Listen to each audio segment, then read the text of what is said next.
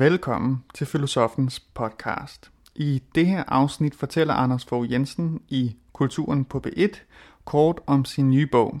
Bogen hedder Narrative Samtaler og handler blandt andet om, hvordan de samtaler, vi har i hverdagen, kan beriges ved at give dem et skud med narrativitet. Lyt med og hør mere om det. Rigtig god fornøjelse. Her i øh, Kulturen på Bit, der har vi flere gange haft øh, samtalebrillerne på, øh, og senest var, da psykologiprofessor Svend Brinkmann, videnskabsjournalist og forfatter Thor Nørretranders og antropolog og direktør for Nationalmuseet Rane Villerslev udgav bogen Samtalekur tidligere på måneden, hvor det blandt andet lød sådan her. Samtalens nødvendighed ligger jo i, at det, der karakteriserer samtalen, er, at du igennem den flytter dig, er åben for at flytte dig. Altså det vil sige, at man tager emner op, man kan have uenighed, men hvis du ikke har øh, den åbenhed og den tillid, der er mellem samtalepartneren til, at du rent faktisk øh, kan flytte dit standpunkt, så er der noget, så er det ikke en samtale, så er det en afart, så er det en, øh, kan man sige, en korrumperet form af samtalen. Ja, sådan sagde øh, direktør for Nationalmuseet, Arne Villerslev, i programmet for nogle uger siden. Og her øh, hos os på Kulturen, der er vores jagt på den gode samtale slet ikke slut endnu. Og i dag, der udkommer der nemlig endnu en bog i samtalens spor, kunne man sige, narrative samtaler, forklaringer fra maskinrummet hedder bogen. Og øh, vi har manden, der har skrevet den, filosof Anders Fogh Jensen, med fra Aarhus. Hej Jens. Hej. Jens, hej Anders Fogh, undskyld. hej. Prøv lige at høre, hjælp mig lige, fordi jeg bliver lidt forvirret. Eller ja. ikke forvirret, jeg er jo ikke akademiker på den Nej. måde. Så den narrative samtale, kunne du ikke lige så godt have sagt, det er en fortællende samtale? Fordi hvordan hænger det sammen? Jo, altså det kan man godt sige. Det, det narrativ betyder jo egentlig bare fortælling. Og ja. Øh, grækerne kaldte det mytos. Men altså, øh, og, det, og det, man kan blive meget forvirret af det her, fordi i virkeligheden har det slet ikke med egentlig med det, er, det er fortællende at gøre. Altså, det handler jo noget om, hvordan man taler sammen om svaret på spørgsmålet, hvem er jeg? Okay. Og hvordan jeg forestiller mig, at det udstikker så nogle rammer for, hvad jeg ser, anser for muligt, eller hvad jeg skal gøre. Mm.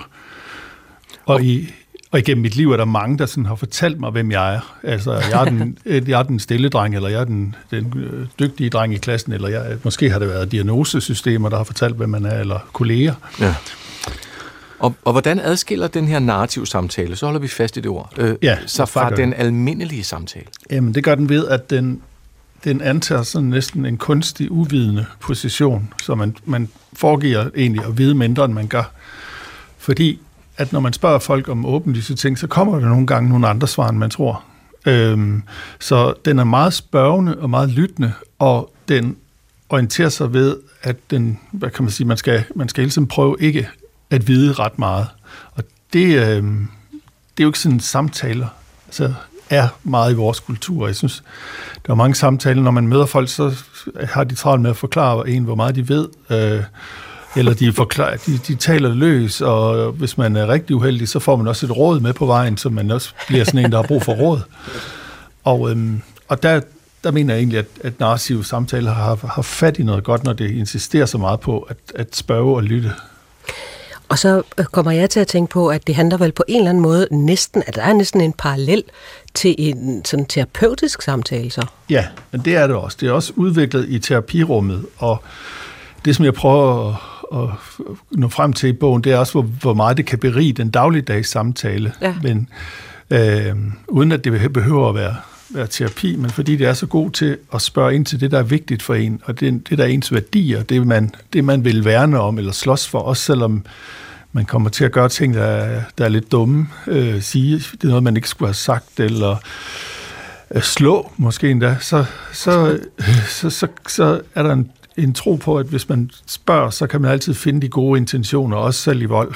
Øh, så, så der er noget, der kan berige den dagligdags samtale, uden at de bliver nødvendigvis bliver, bliver terapeutiske. Men det er rigtigt, det er udviklet, og det er jo også fordi, jeg tror, samtalen er lidt truet i dag øh, af både vores medier og vores tempo. Og sådan, vi har jo ikke Arnested, vi sidder rundt om og snakker, så nu begynder vi så at, at betale en eller anden, øh, gerne en psykolog eller en psykoterapeut, for at sidde og høre på os. Ja. Øhm.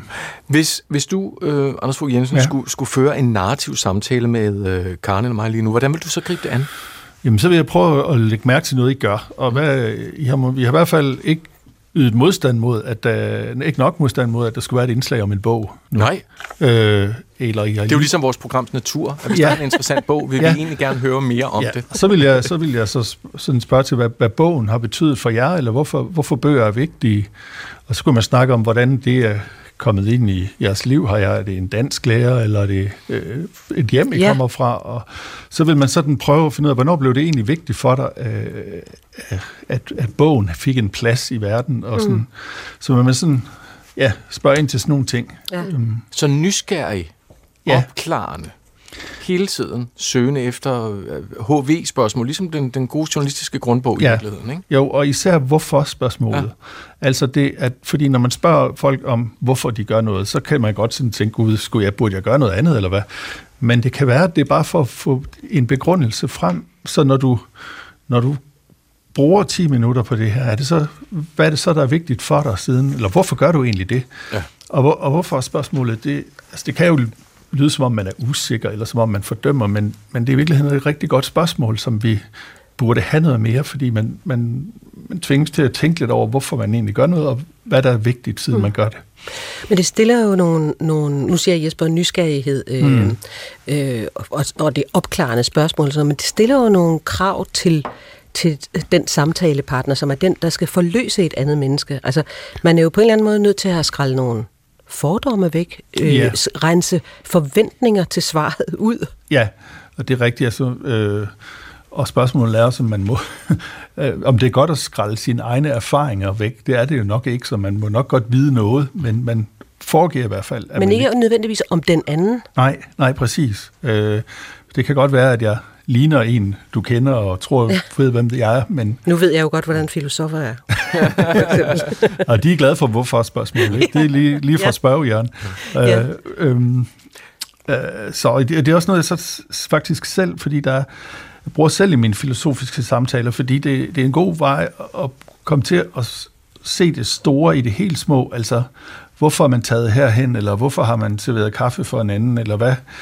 Så, så kommer man hurtigt til at tale om nogle meget vigtige ting, og det er det, etik egentlig handler om. Det er sådan, hvordan, hvad er det gode, hvad er det, jeg vil gerne forsvare her i verden, i en verden, der er meget pragmatisk, og jeg bliver kaldt en kvævland. Hvad er det så, jeg står for siden, siden jeg åbenbart øh, kommer ud i de problemer, jeg kommer ud i. Sådan kan man tit gribe det an. Mm.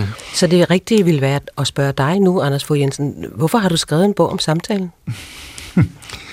altså, det er, jo, det er jo nok fordi, at at mit eget fag filosofi også øh, egentlig udspringer af samtale, før det blev sådan et skriftligt fag. Og, og jeg synes, at jeg både selv kan finde tilbage til, til noget af det, der dragede mig mod filosofi, og så synes jeg, der var noget godt i de narrative samtaler, som trængte til at blive restaureret, særligt sådan noget med, hvad mener man med viden, eller hvad mener man med sandhed, eller hvad, hvad er en fortælling egentlig? Mm. Øh, så, så det har været sådan en dobbelt det har været både været en kærlighed til mit eget fag, men egentlig også en kærlighed til de narrative samtaler, så godt nok gjorde, at jeg blev nødt til at tage lidt hårdt fat i den, men, men jeg tror, de står styrket tilbage. Ja.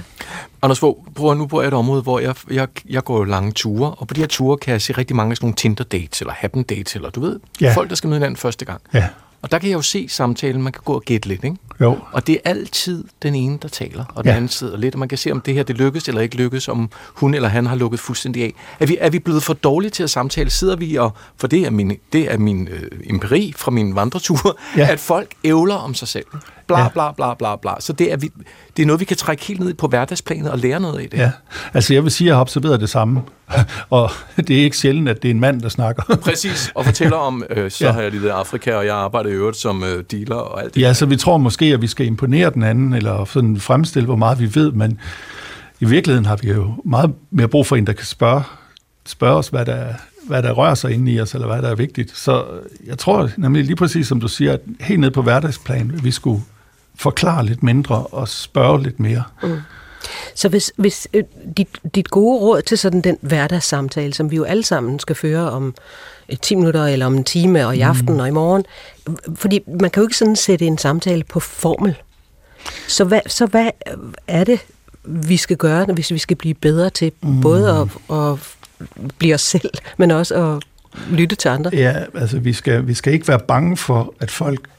vi skal ikke være bange for at træde folk for nær. Det kan jo være svært i en, en kultur, hvor der hele tiden bliver talt om fornærmelser lige nu, men altså, øh, folk vil gerne tale om de der store, vigtige ting, så vi skal prøve og man kan prøve at observere, hvad folk gør. Altså, det er lidt banalt at sige, jamen, hvorfor, hvorfor har du nogle andre øreringe på i dag, end du havde i går? Hvad er det for nogen, og hvor kommer de fra? Og, mm. Så hvis man kan bevidne, som man siger, altså hvis man kan kigge på det, folk gør, og så sætte ord på det, og spørge til det, man gør. Hvorfor, hvorfor synes du, det er vigtigt at skralde kartoflerne, og ikke bare skylde dem? Det kan jo være, at der er nogle, nogle gode grunde der. Så, så man skal ikke man skal ligesom man skal ikke være bange for at, og heller ikke at tematisere store ting som øh, retfærdighed eller mod, eller hvad der er sådan, altså de store temaer i, i livet, de, øh, der giver de her hvorfor-spørgsmål en adgang til. Så, så i virkeligheden handler det ikke kun om at træne sit øre, men i virkeligheden også sit øje, altså at ja. lægge mærke til dem, man er op, omkring. Ja, og også sin mund lidt, altså vende sig til at have sådan nogle spørgsmål, som, som lyder åbenlyse, men som ikke er det i munden. Mm.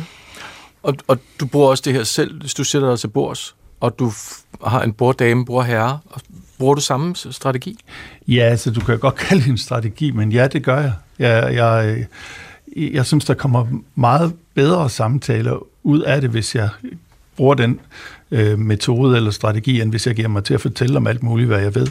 øh, det, det, det kommer det sjældent så, så spændende samtaler ud af. Tak skal du have. Vi er blevet klogere. Vi skal nok øve os. det er godt. Tak, tak for invitationen.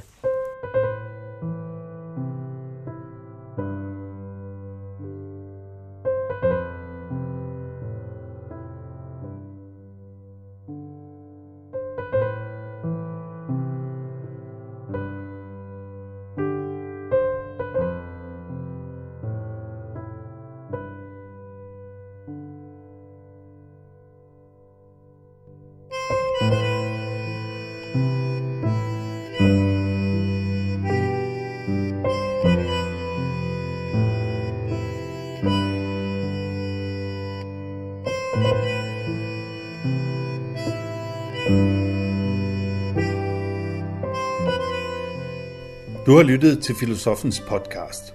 Se mere på min hjemmeside filosofen.dk og tag med mig på dannelsesrejse. Se dannelsesrejser.dk. Mit navn er Anders Fogh Jensen. Tak fordi du lyttede med.